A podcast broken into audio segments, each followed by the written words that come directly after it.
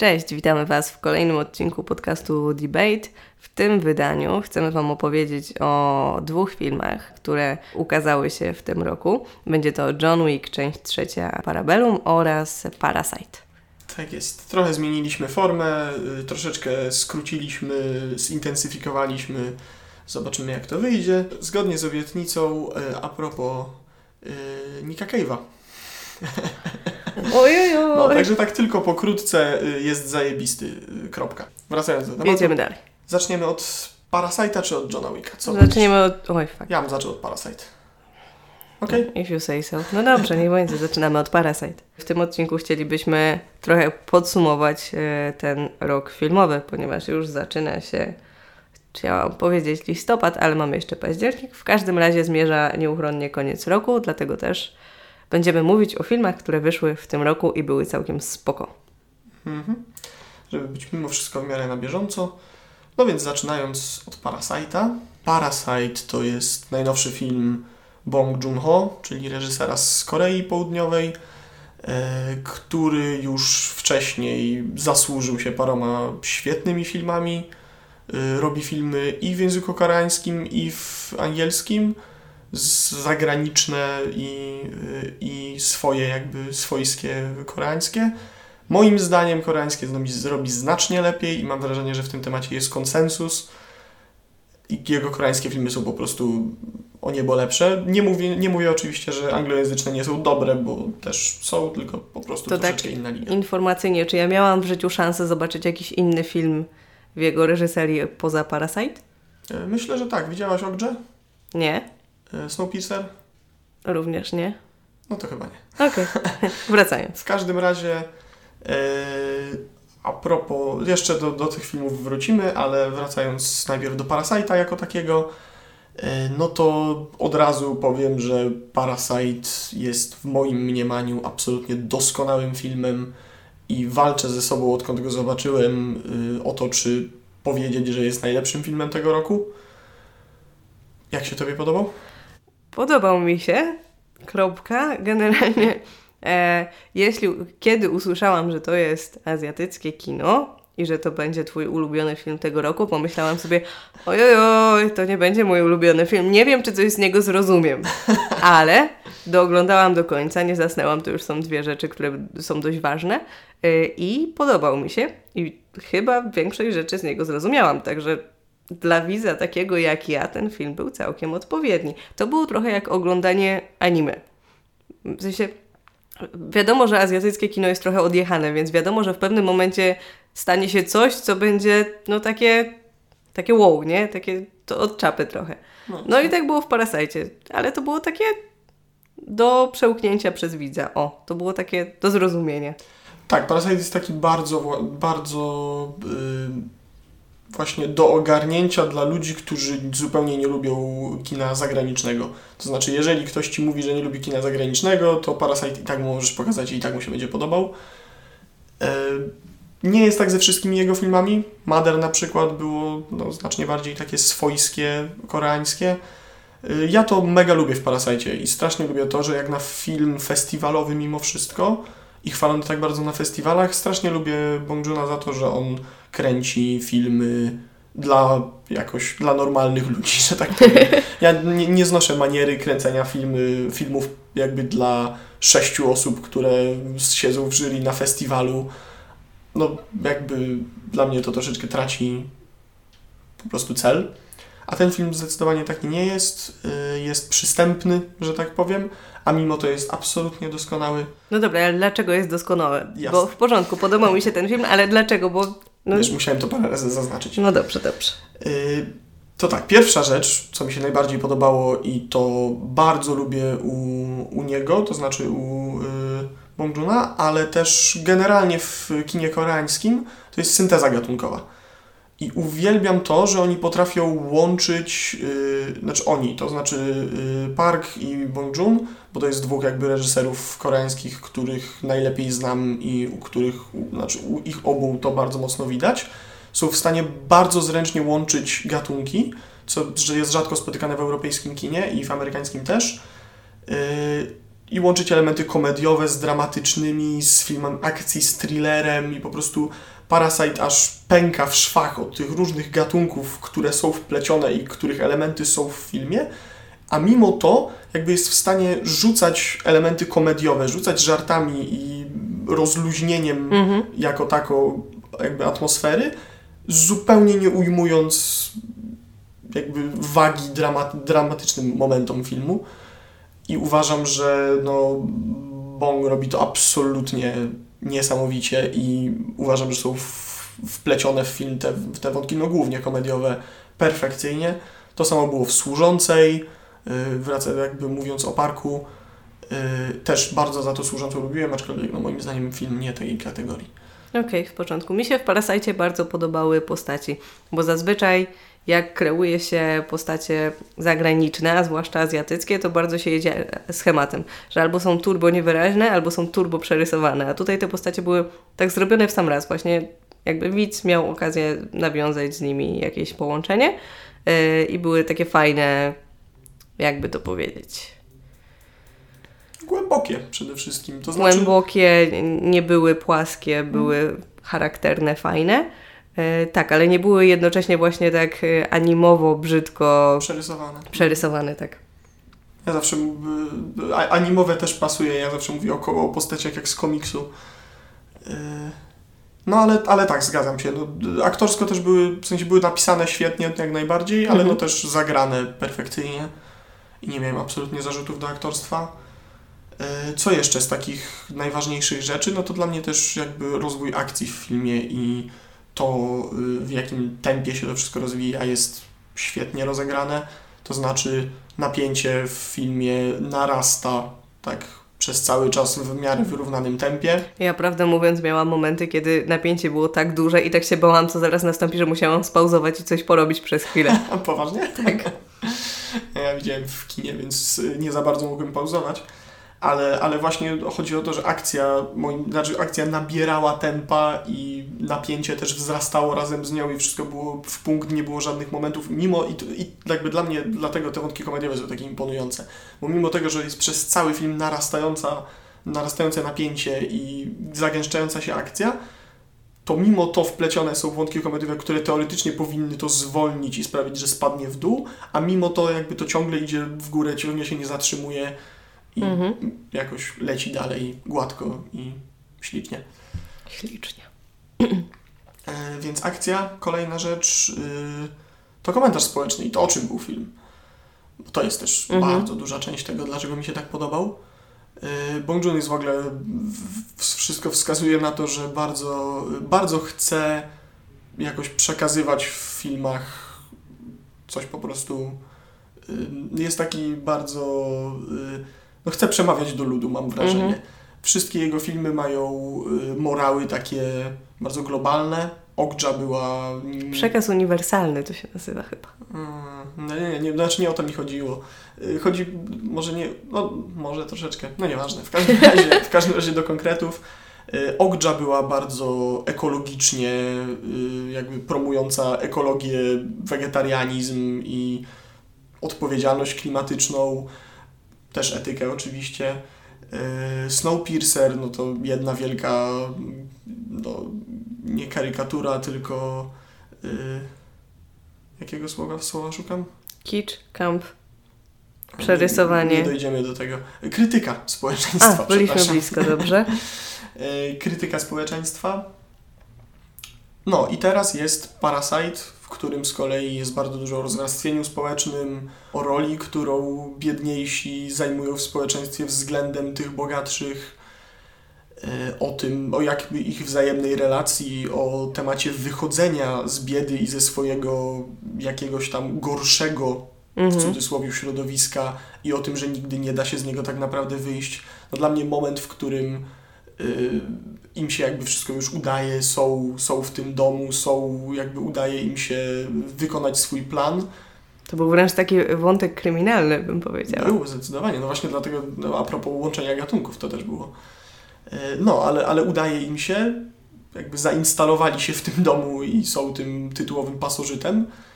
Y, Po czym jest scena, w której y, głowa, rodziny, głowa tej bogatej rodziny rozmawia, kiedy oni się ukrywają pod kanapą, czy tam pod stolikiem. I rozmawia z żoną i mówi o tym, jak o, o zapachu, który wydziela ten jego kierowca, czyli z kolei głowa biedniejszej rodziny. I mówi o tym jakby z taką pogardą i, i Że widać, pachnie że jak prostu- mokra szmata. tak, tak, że dla mnie, dla mnie ten film był po prostu najbardziej o, o nierówności społecznej, o tym, że... Ale właśnie, mimo to, że był o, nierówności społe... o nierównościach społecznych i mógł być moralizatorski i y, nacechowany, znaczy cechujący jedną z grup pozytywnie albo negatywnie, To prawda, był bardzo obiektywny w tym Prawda? wszystkim i to było bardzo miłe, że nie był tak przesiąknięty tym, e, co chciał przekazać reżyser. To było bardzo miłe, zgadzam Mhm. się. I ani nie było, ani nie poszło jakby w stronę y, ci źli, biedni, którzy próbują tylko mm, no, pasożycić na, na bogatszych w społeczeństwie, ani z kolei nie było tak, że są no, szlachetnymi Robin Hoodami, którzy Mhm. biorą co jest ich po prostu no, mieli, jakby każda strona równania była ciekawa i w odcieniach szarości. Prawdziwi ludzie z krwi i No, kości. dokładnie tak. A jak Ci się podobał y, wątek człowieka w piwnicy? O mój Boże, właśnie w tym momencie zaczęło się robić to, o czym mówiłam. To, że w pewnym momencie anime zaczyna się robić turbo rozpierdol i to był ten moment w filmie, To prawda. że, że, że było takie, co? No, ale to było, znaczy, było zaskakujące, ale to było przyjemne. W sensie to był wątek, który jakoś tam jakby wprowadzał taki cliffhanger do filmu, no i coś takiego było potrzebne, ale to nie było aż tak, znaczy było mocno odjechane, ale było odjechane tak w granicach rozsądku y, i fajnie komponowało się z całością historii. Mi się strasznie podobało. I jakby ta paralela z karaluchem, tym, że jakby on jest karaluchem siedzącym w piwnicy, a mimo to jakoś ten podziw, który ta postać szaleńca w piwnicy ma względem Pana domu. Tak, tak, Mhm. to, to jest niesamowite. Jakby ta, ta taka dziwna relacja, ni to syndrom sztokholmski, ni to. No, niesamowite to było. Także.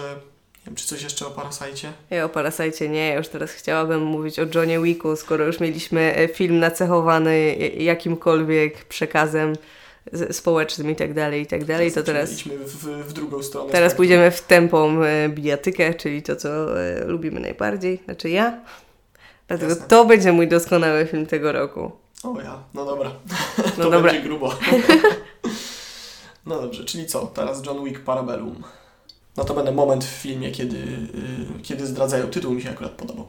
prawda? Mhm. Dobrze, zawsze coś. Dobrze, to na wstępie powiedzmy, że oglądając Johna Wicka przysypiałeś i to nie była wina Johna Wicka aż tak bardzo, więc O. troszeczkę masz e, zułomniony, nie wiem czy jest takie słowo, zułomniony e, to e, przekaz filmu. Przekaz Cze- filmu. Czeka, czekałem aż to powiesz, obejrzałem drugi raz, żeby nie było. Shit. Może ci się zdanie polepszyło. A, nie, nie, chyba nie. No dobrze, ja widziałam ten film w kinie, więc mam zupełnie inne e, Mhm. odczucia względem Johna Wicka. No to zaczynając. To była trzecia część Johna Wicka po fantastycznej pierwszej części i średniej, ale nadal dobrej drugiej No, części. widzisz, tu się zgadzamy. No w porządku, ale nadal dobrej, nie? E, I uważam, że ta część była zupełnie inna od poprzednich dwóch, ale nadal była świetna.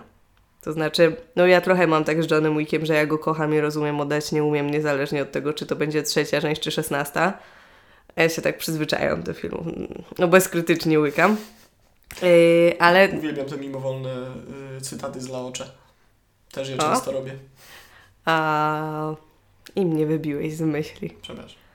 No, ale relatywnie jakby wsłuchując się w to, co widzowie powiedzieli, powiedzmy widzowie podobni do mnie na temat tego filmu, to ten film jest dobry. Ja wiem, że ja się obracam w środowiskach takich jak Nine Gag, gdzie wiadomo, że Keanu Reevesa się kocha całym serduszkiem. Tak, tak po sobie jedziesz w tym odcinku, że ja, że, Nie masz co że aż mi robić. się głupio odzywać. Nie, no jakby bez przesady. To- Kto się, kto się, jakby, kto nie obraca się w środowisku typu Nine Gag, niech pierwszy rzuci kamień. No dobrze, ale znaczy nie mówię tego, żeby sobie albo Nine Gagowi zrobić źle. No, przyznaję sobie, że tak jest po prostu. E, wracając do Johna Wicka, to powiedz ty teraz swoją opinię o John, Johnie, Johnie Wicku. Johnie Wicku. E, No więc tak.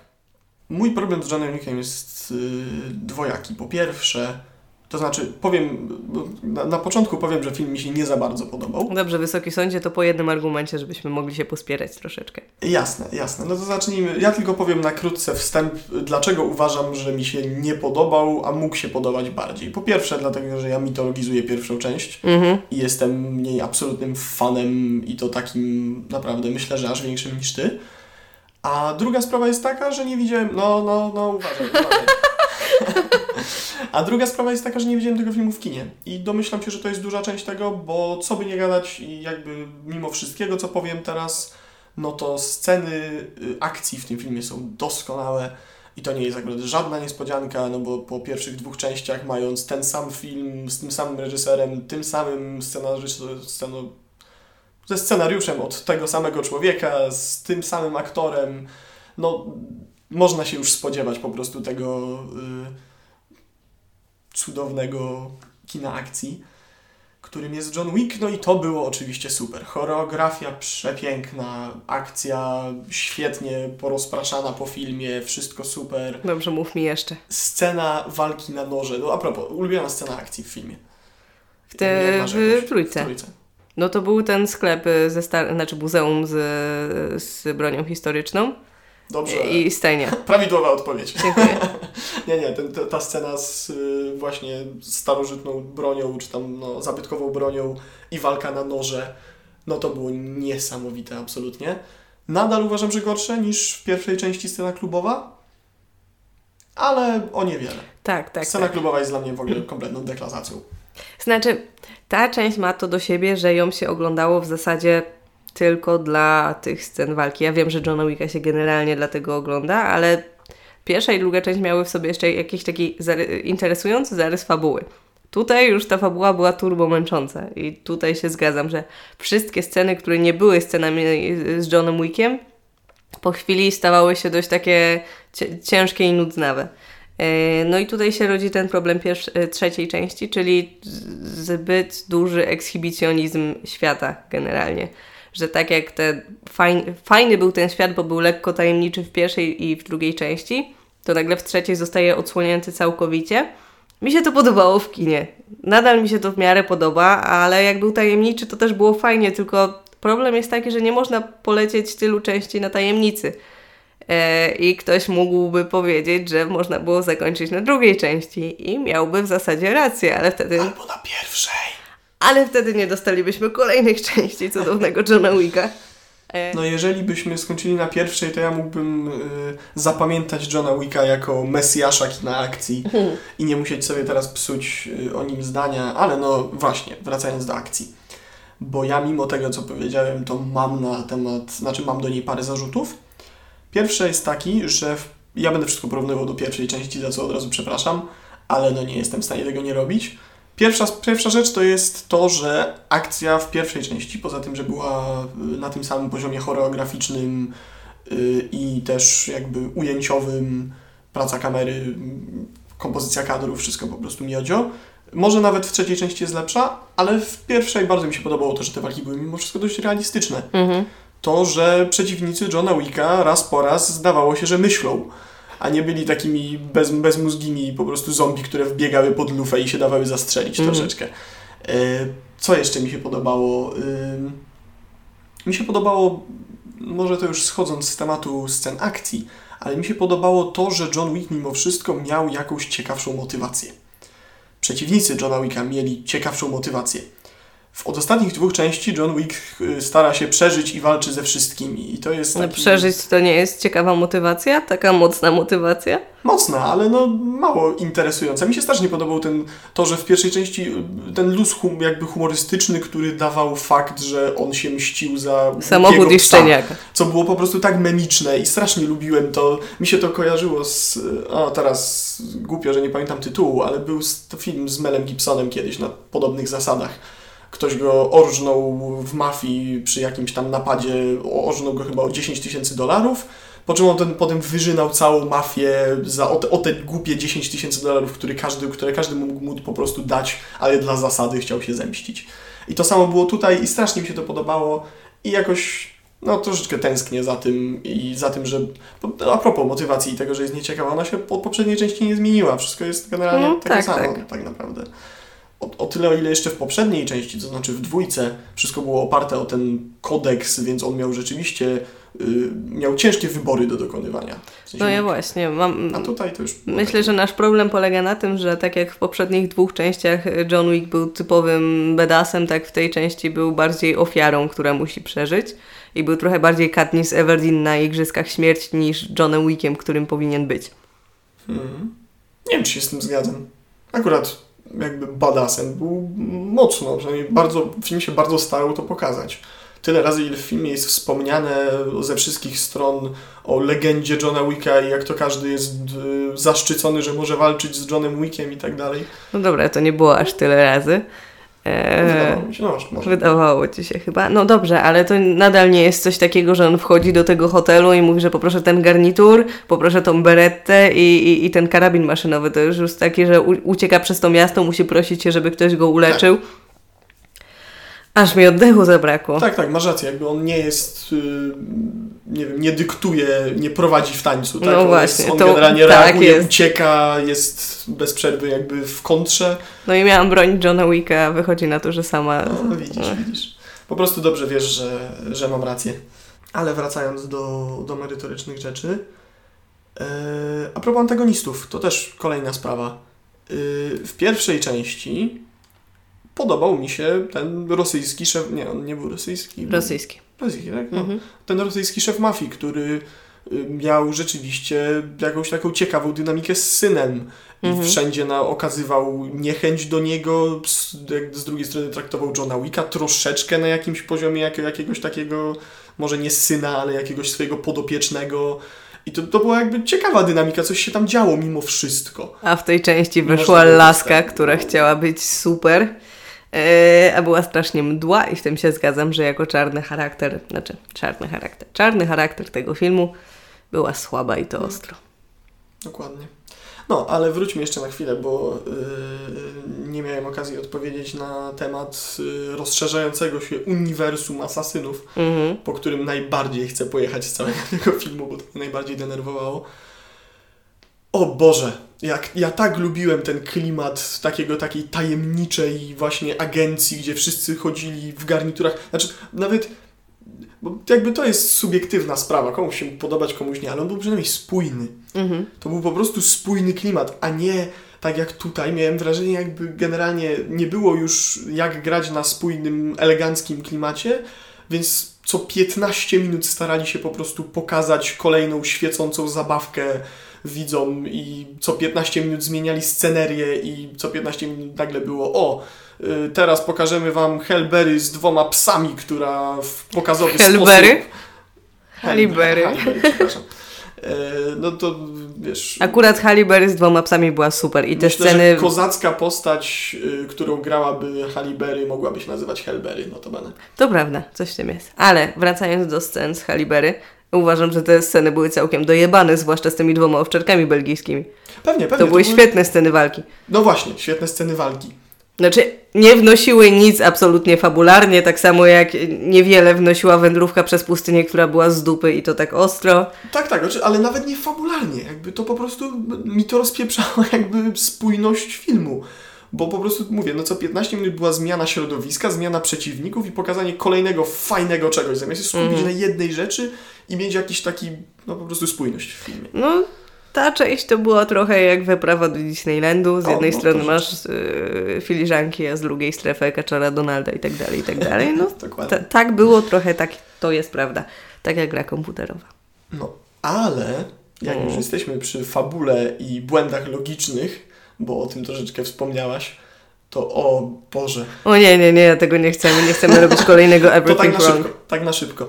Dlaczego, okej, zdradza go Winston, tak? No tak. E, e, spoiler, uwaga. No, spoilerów było przez cały czas mnóstwo. E, ale zdradza go Winston Mm. na sam koniec i do niego strzela. I teraz są dwie opcje. Albo Winston rzeczywiście go zdradził i chciał go od początku zdradzić. W takim wypadku czemu nie strzela mu w łeb w momencie, w którym John Wick stoi metr od niego i wypala mu Ale- chyba trzy strzały w korpus, w, w kamizelkę, która wie, że tam jest. Aha, no tak.